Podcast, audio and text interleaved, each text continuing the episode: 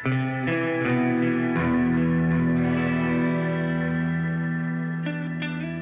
hadde en hemmelighet alle visste om da jeg vokste opp. Hvordan jeg hadde det hjemme. Jeg var et løvetannbarn. Vi som ikke vokste opp på grunn av, men på tross av. Mange av oss har gått inn i voksenlivet med dype, usynlige sår. Var det mulig så lenge etterpå å lege disse sårene? Velkommen til Hørt. Mitt navn er Linn, og dette er min reise.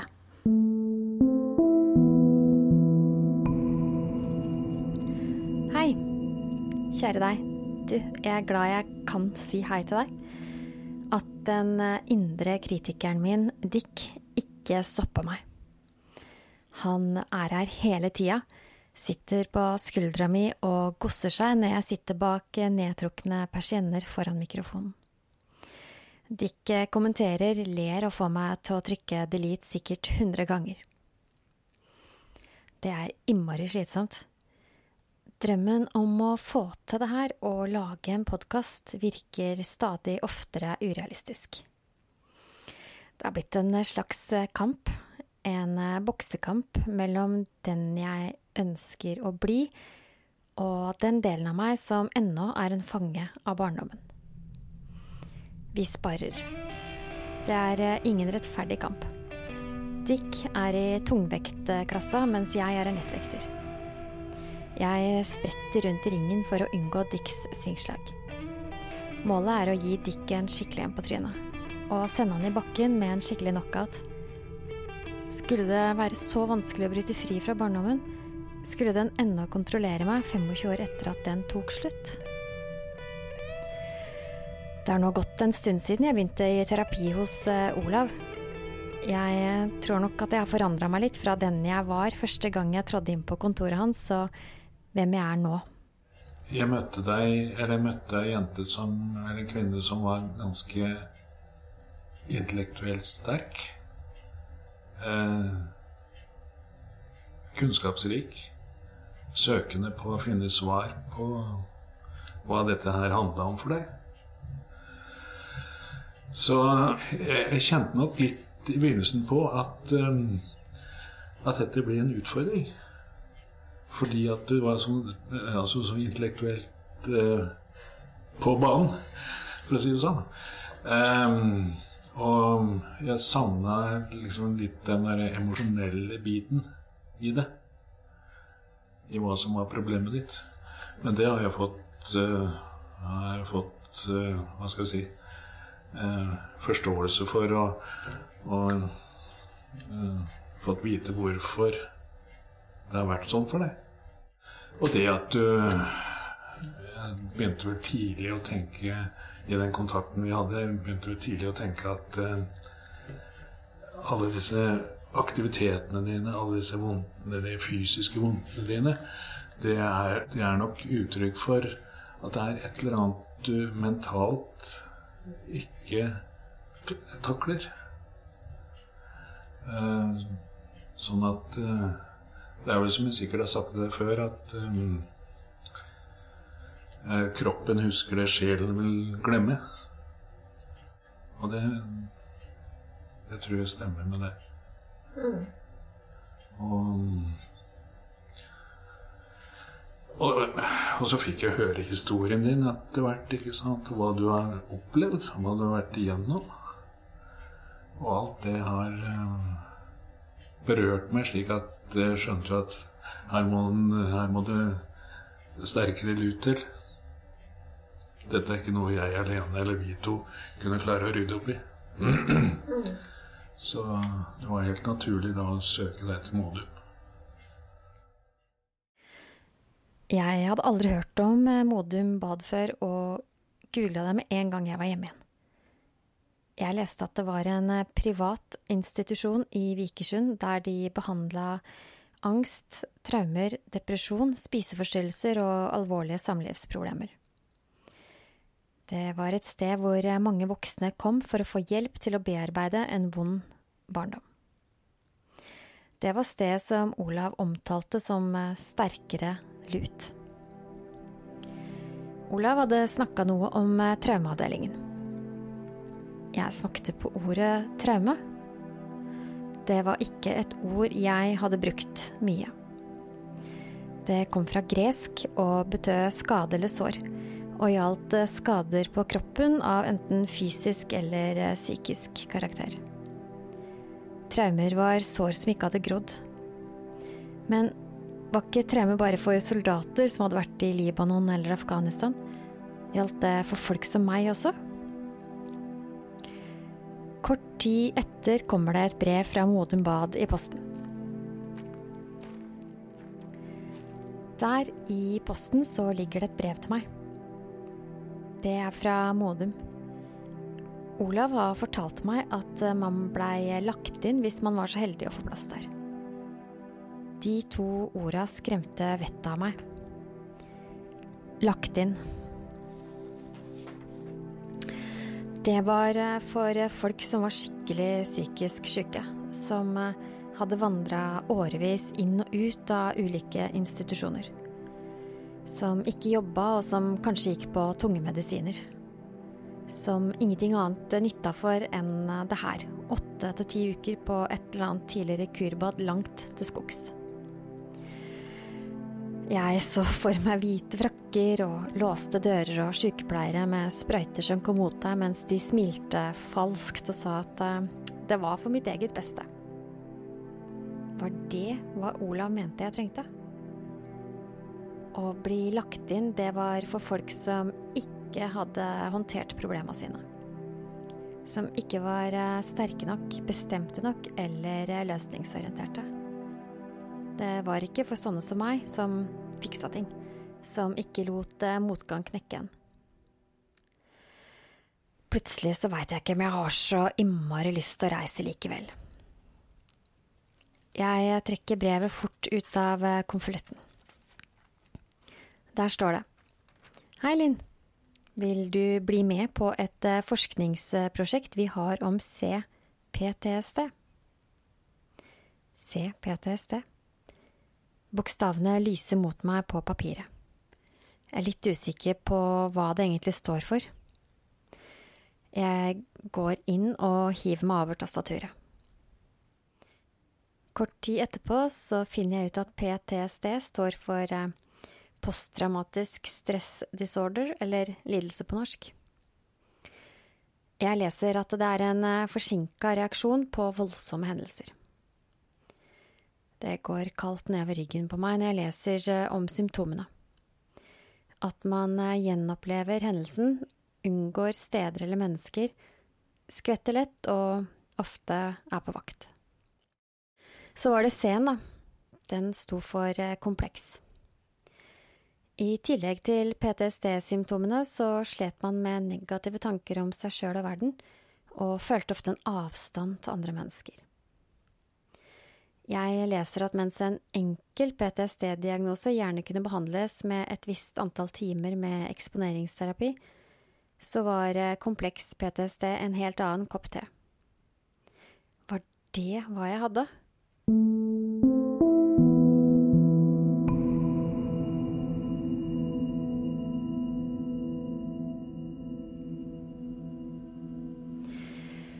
Novembermørket henger tungt over furutoppene på Modum der vi kjører på rv. 35. Høsten, den får meg alltid til å føle meg nedtrykt. Den synkende sola minna meg om alt det jeg ikke hadde fått til. Om drømmer som ikke blei noe av. Ospa hadde for lengst mista bladene sine og sto med blodfattige, nakne greiner langs veien da vi kjører innover Furumoene. Jeg rekker etter samboeren min Leo sin hånd idet vi svinger av riksveien og inn på badeveien. Jeg husker ikke sist jeg har følt meg så aleine, så forlatt. Resepsjonen fylles gradvis opp med mennesker. De får noen papirer i hånda og setter seg til å vente. Så blir vi henta én etter én. Fordi alt av lydopptak er strengt forbudt, så får jeg ikke tatt opp noe. Det advares også mot å dele sine erfaringer med terapi og opphold i sosiale medier. Det gjør Dick enda sikrere på at en podkast er det dummeste jeg kan lage. Du bare utleverer deg selv i en sårbar situasjon, sier Dick. Bare vent, så skal du se at jeg får rett. Det føles som jeg allerede har tapt. Første stopp for meg, det er hos en lege. Bruker du medisiner, spør legen. Nei, svarer jeg. Fint, svarer legen, fordi her hos oss så får ingen lov til å ta medisiner hvis de skal legges inn. Så bærer det videre til lunsj. Det første jeg tenker når jeg går inn i spisesalen, det er at alle virker jo helt normale. Var virkelig det her mennesker som var pasienter? Det er sikkert en konferanse her, tenker jeg, for sykepleiere eller forskere. Jeg setter meg ved bordet reservert for oss på det fem dagers lange vurderingsoppholdet.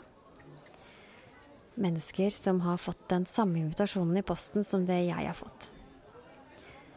En middelaldrende mann, en treningsfyr med fast jobb. En enslig firebarnsmor, en småbarnsmamma, et postbud og en bygningsarbeider. De smiler, småprater og prøver febrilsk å huske på å ikke si for mye om seg sjøl. Det er enda en regel. Sykepleierne har sagt at vi ikke må dele noe privat med de andre. Særlig ikke om hvorfor man var her på Modum Bad. Jeg kikker i smug på de andre jeg sitter og spiser med. Dette er første gang jeg er sammen med andre som har det sånn som meg. Selv om vi ikke sier noe som helst om oss selv, så føles det likevel godt. Jeg skulle gjerne ha snakka fritt med dem og hørt hvordan de hadde det, og fått hørt deres historie. Og kanskje endelig følt at ikke jeg var så aleine, så annerledes fra alle andre. I stedet så sitter vi og snakker om vær og vind. Hvor fint det er på Modum Bad. Og det er så annerledes fra hvordan jeg så det for meg. Hvor vennlig alle virker, og så mange gode ord vi har hørt. Vi er alle sammen spente. Er det nå vi endelig, etter så mange år med smerter, problemer og skam, at vi skal få hjelp? For å få lov til å bli med i forskningsopplegget, så må vi krysse av på tonnevis med skjemaer og møte på to intervjuer. Det er som å være på audition. Kun noen få av oss ville bli valgt.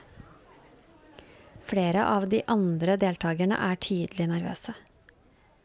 Jo mer de viser det, desto mer tar jeg meg sammen. For jeg var jo en som fiksa ting, ikke sant? Jeg trengte kanskje ikke hjelp, gjorde jeg det? Intervjuene ligner på jobbintervjuer. Det var en kjent ramme å få meg til å presentere den beste versjonen av meg sjøl. Jeg prøver meg på et glimt i øyet og slår an en munter tone. Det var hva som oftest ga napp, samtidig som jeg sitter og lurer på hva det var jeg egentlig gjorde her. Jeg minner meg selv på at jeg intervjues for en innleggelse, ikke akkurat en kremjobb, men var det her egentlig et sted for meg? Alt pratet om eh, angst, det gjorde meg utilpass, kanskje til og med litt irritert. Jeg, jeg hadde jo ikke angst. Posttraumatisk stresslidelse var vel ikke det samme som å få panikkangst på bussen eller ha angst for å stå fremfor mennesker og prate. Det siste var jo noe jeg faktisk hadde som yrke.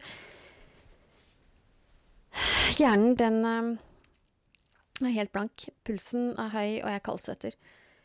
Tanken på å bli lagt inn her, selv om stedet kunne minne om et hotell, var, eh, var ikke så innmari fristende.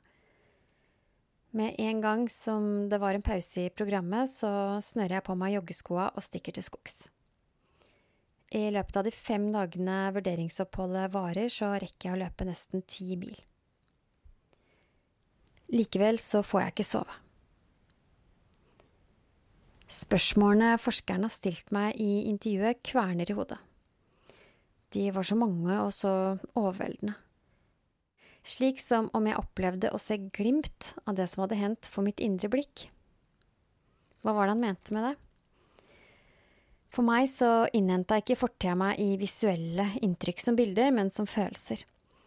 Sterke, vonde følelser. Det var eh, følelser av å bli forlatt, av å være aleine, å være livredd eller forslått, som eh, blanda seg sammen til en ordløs smerte. Jeg krysser av for nei. Jeg hadde ingen visuelle tilbakeblikk. Alle faguttrykkene tar meg på senga. Alle sykepleierne feik rundt og snakka om triggere i ett sett. Hva var det de egentlig mente med det? Og så var det alle spørsmålene om eh, dissosiering. Jeg hadde ikke faktisk peiling på hva det var. Det hørtes i hvert fall ikke bra ut, så jeg kryssa nei på spørreskjemaene. Og flashback Det eneste jeg visste om flashback, det var at det var et virkemiddel i film og litteratur. Så jeg smilte høflig og svarte nei, eh, mens eh, følelsen av å være dum og utafor vokste. Dick, han eh, var med meg hele tida. Var jeg den eneste som ikke visste hva disse begrepene innebar? Et av spørsmålene gnagde særlig. Hadde jeg sett noen bli utsatt for livstruende vold?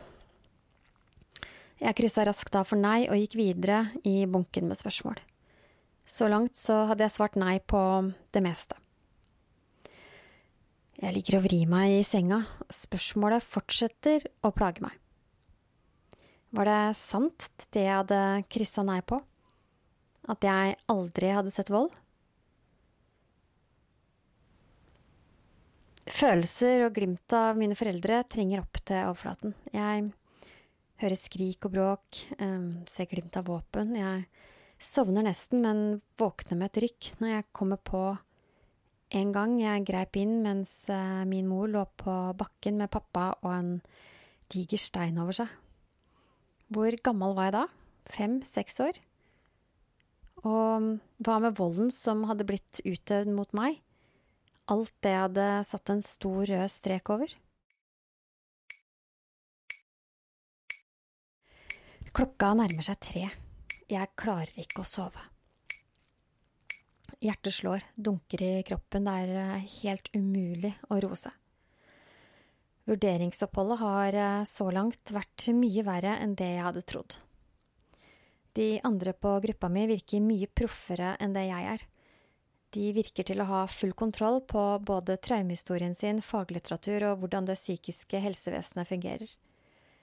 Det eneste jeg har, er litt over eh, ti timers terapi hos en privatpraktiserende pensjonist.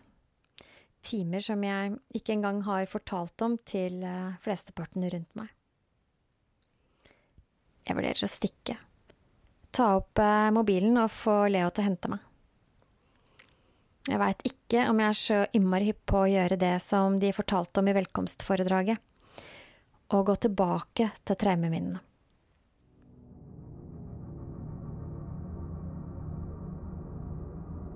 Hva er vel vitsen med å rippe opp i all den gamle dritten? spør Dick. Han er alltid størst og sterkest om nettene.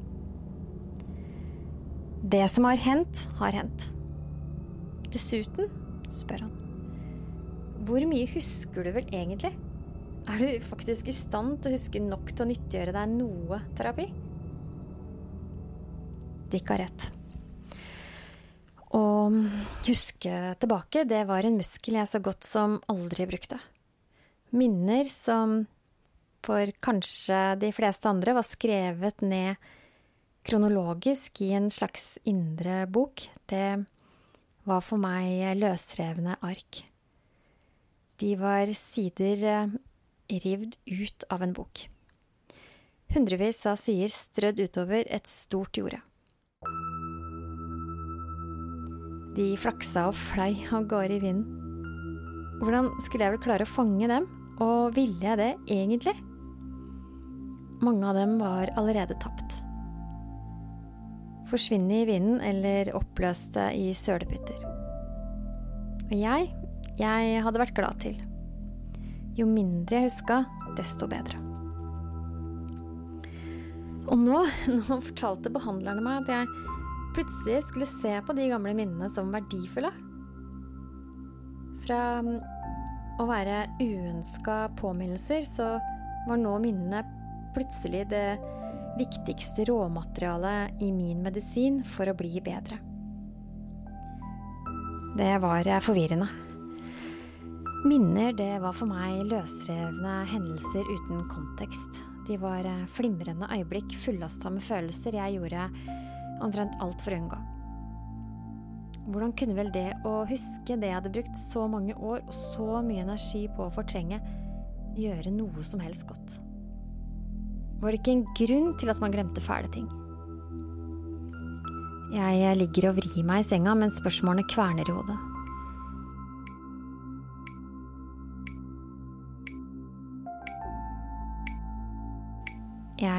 Er tydeligvis ikke den eneste som er våken enda det er midt på natta.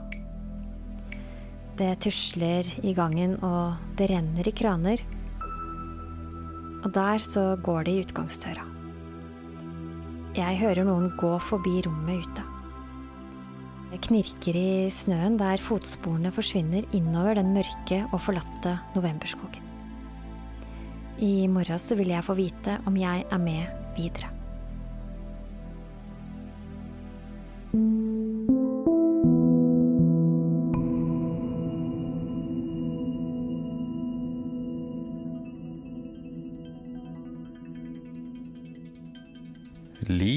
Del hørt.